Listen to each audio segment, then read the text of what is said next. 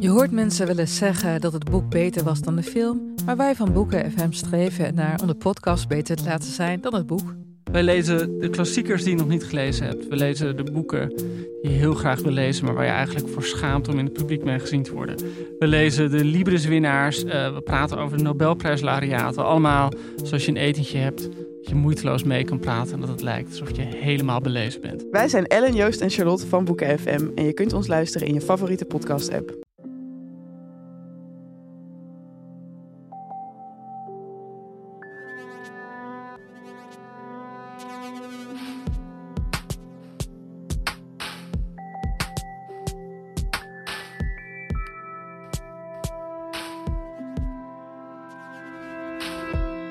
Hey, hallo, ik ben Pieter, Haralaas.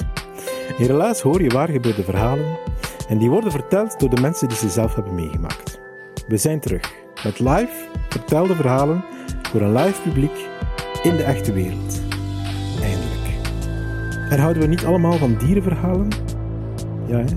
Stefanie die vertelde haar diepdroevig dierenverhaal in de tuin van Huset in Gent.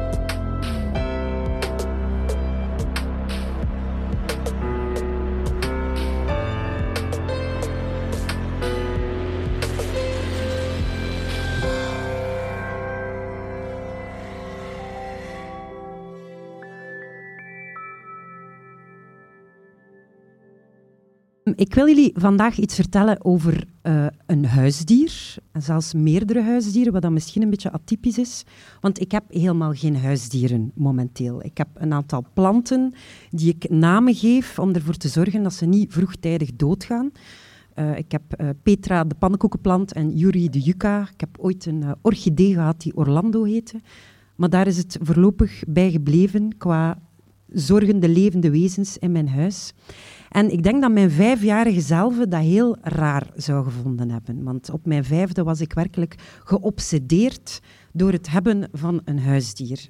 Ik weet eigenlijk niet zo goed waar dat, vandaan kwam. Um, ja, ik had een, een, grote drang om, om, ergens voor te zorgen, om iets te knuffelen. Uh, ik denk dat een, groot, een grote reden daarvoor ook was dat ik dat niet mocht hebben.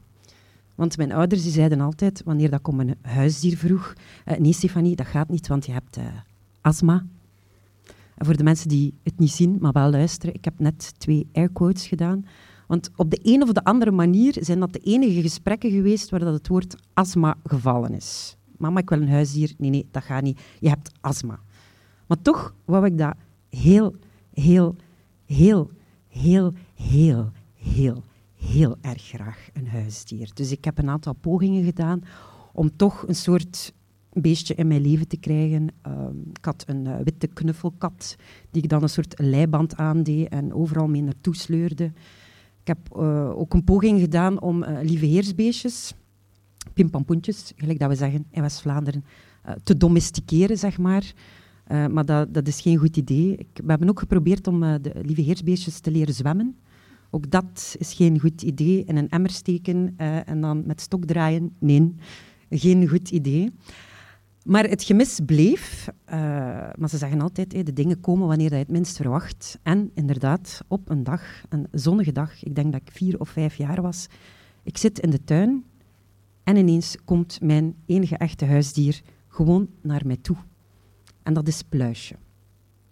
Een pluisje is uh, geen konijn of geen kat. Nee, pluisje is een pluis.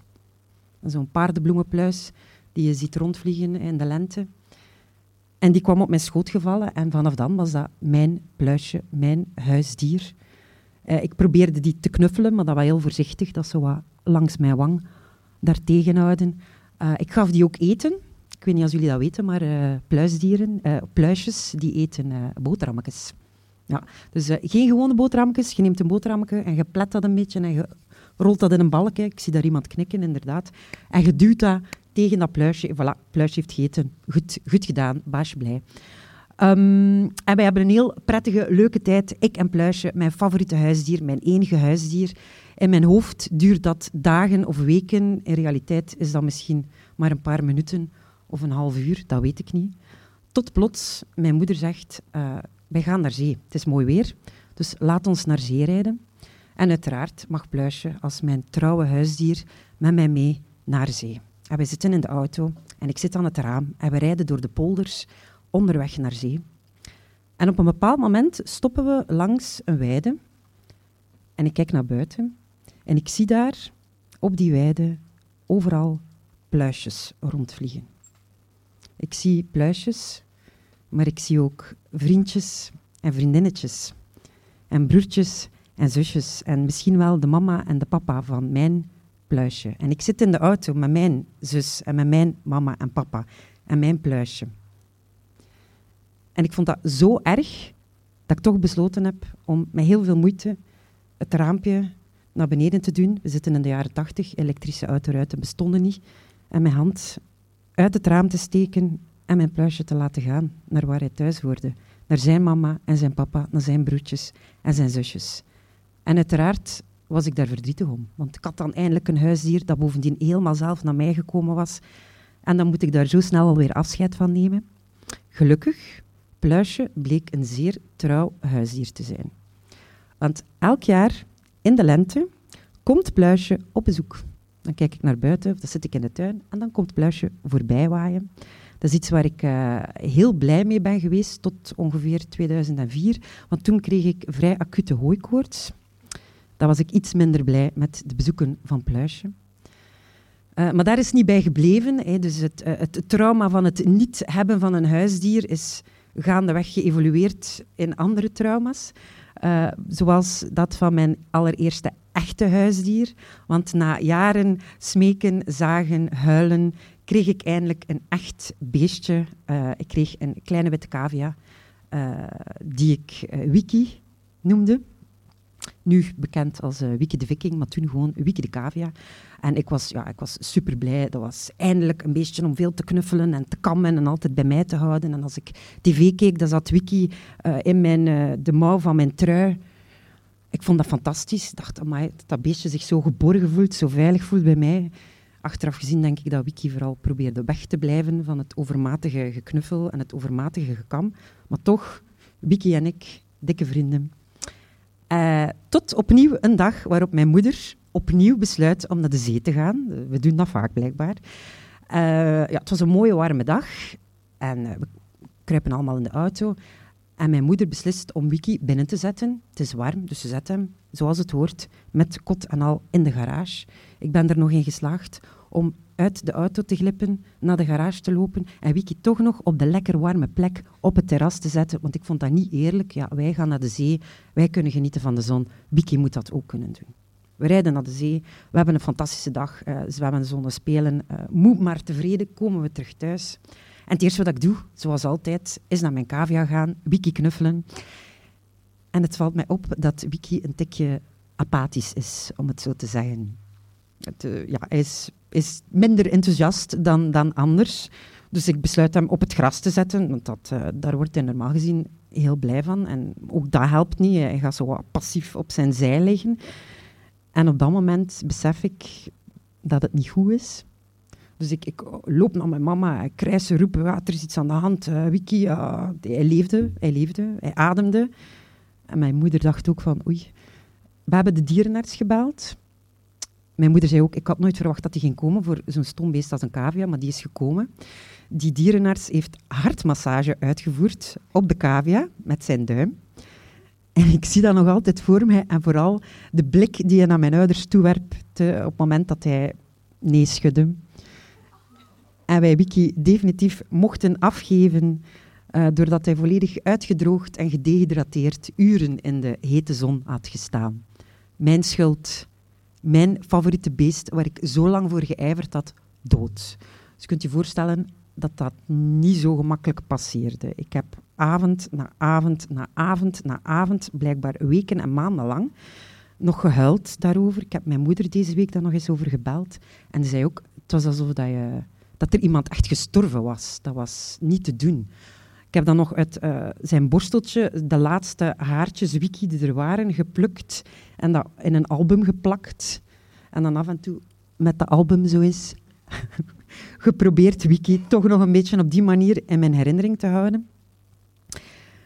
na vele uh, huilerige nachten besloten mijn ouders daar iets aan te doen en mij niet één, maar wel drie nieuwe huisdieren te geven. Drie cavia's, ondertussen ook één voor mijn zus en één voor mijn andere zus.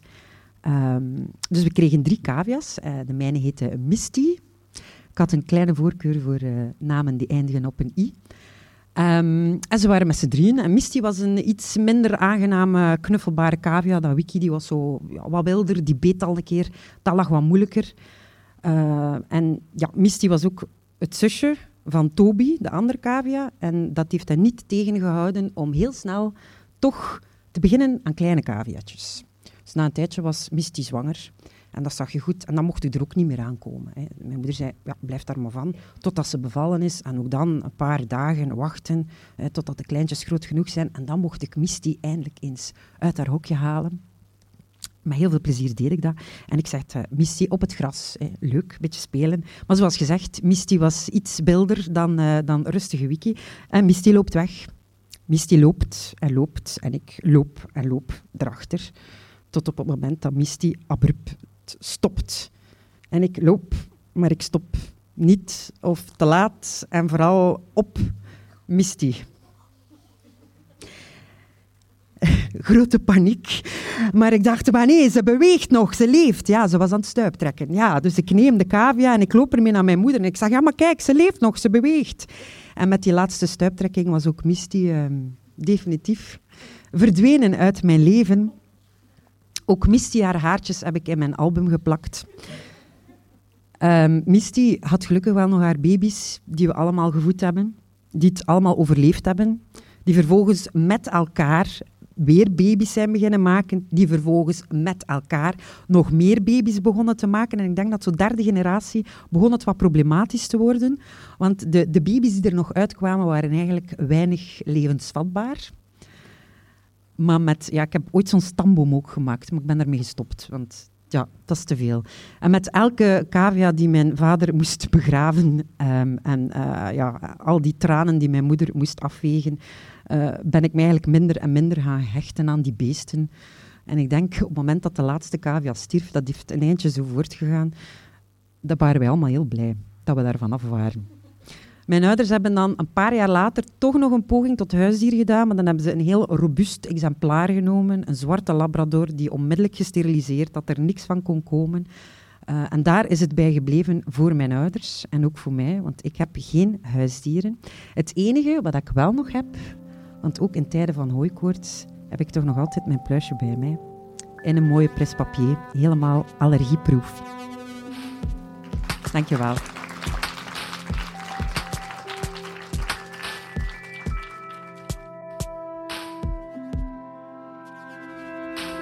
Dat was het relaas van Stefanie. Ze heeft het verteld in de tuin van Husset in Gent in juli van 2020. Als wij vertelavonden organiseren, dan hebben we twee verhalen voor de pauze en twee erna. Bijna altijd. En Stefanies verhaal kwam net voor de pauze en haar verhaal inspireerde heel wat mensen uit het publiek om zelf ook tijdens de pauze hun eigen relaasje te vertellen over wat ze hebben meegemaakt met huisdieren. Al dan niet gruwelijk. Ik heb zo zelf ook eens als kind mijn broer zijn cavia. Dat beestje was gewond geraakt op een of andere manier. Ik heb die toen buiten gezet om hem vrij te kunnen laten in de natuur. En toen mijn broer thuis kwam, hebben we gezegd dat we dat beestje ja, hebben moeten laten gaan bij de dierenarts, omdat hij er te erg aan toe was. En net op dat moment kwam de hond van de buren langslopen met mijn broer zijn favoriete cavia in zijn muil. Mooi moment was dat. Als je zelf eens iets gelijkaardigs hebt meegemaakt, laat ons dat gewoon weten. Hè. Je mag het zeker eens komen vertellen. Dat kan op een van onze volgende verhalencarousels, waarin je heel kort in vijf minuutjes dat verhaal vertelt. En als je nog meer dierverhaal wil vertellen, dan kan dat ook op een van onze relaasvertelavonden. En dan word je gecoacht om daar een verhaal van tussen de 8 en de 18 minuten uh, van te maken. Of je kan ook nog naar meer andere dierenverhalen van Relaas luisteren. Je kan bijvoorbeeld het verhaal over de kip van Otis Mercy aanraden. Je vindt dat online gewoon intypen in Google Relaas Otis Mercy, O-D-I-S-M-E-R-C-Y. En dan kom je het wel tegen. Relaas is het dankzij de steun van de afdelingen cultuur, van de Vlaamse gemeenschap en die van de stad Gent. Onze partners zijn Huset, Den Hopzak, Urgent, Pulp Deluxe en Chase. En Relaas bestaat enkel en alleen omdat er meer dan 25 vrijwilligers elke week een paar uurtjes vrijmaken om aan Relaas te besteden.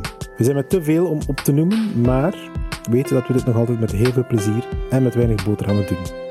Mocht je zelf interesse hebben trouwens om Relaas te sponsoren of te helpen of je hebt een voorstel voor ons, wij staan er voor altijd voor open. Je vindt onze gegevens op de Relaas website relaas.be. En wat je sowieso kan doen om ons te steunen, als je dit verhaal leuk vond, stuur het dan door naar iemand aan wie dat je moest denken toen je het gehoord hebt. Zo verspreidt het relaasvirus zich verder en verder en verder. Het is de enige manier. Oh ja, voor ik afsluit, wij zijn deel van het podcast met een Y. Luister. We zijn een verzameling van verhalende podcasts, zoals bijvoorbeeld die van mijn zeer gewaardeerde collega en ook al persoonlijke vriendin Eva Moeraert. Zij maakte twee jaar geleden ondertussen, denk ik, de podcast Waarom. Die gaat over de zelfmoord van een hele goede vriend van haar. Als je dus op deze mooie dag even zonder podcast inspiratie zit, Waarom is een aanrader. Tot de volgende relaas.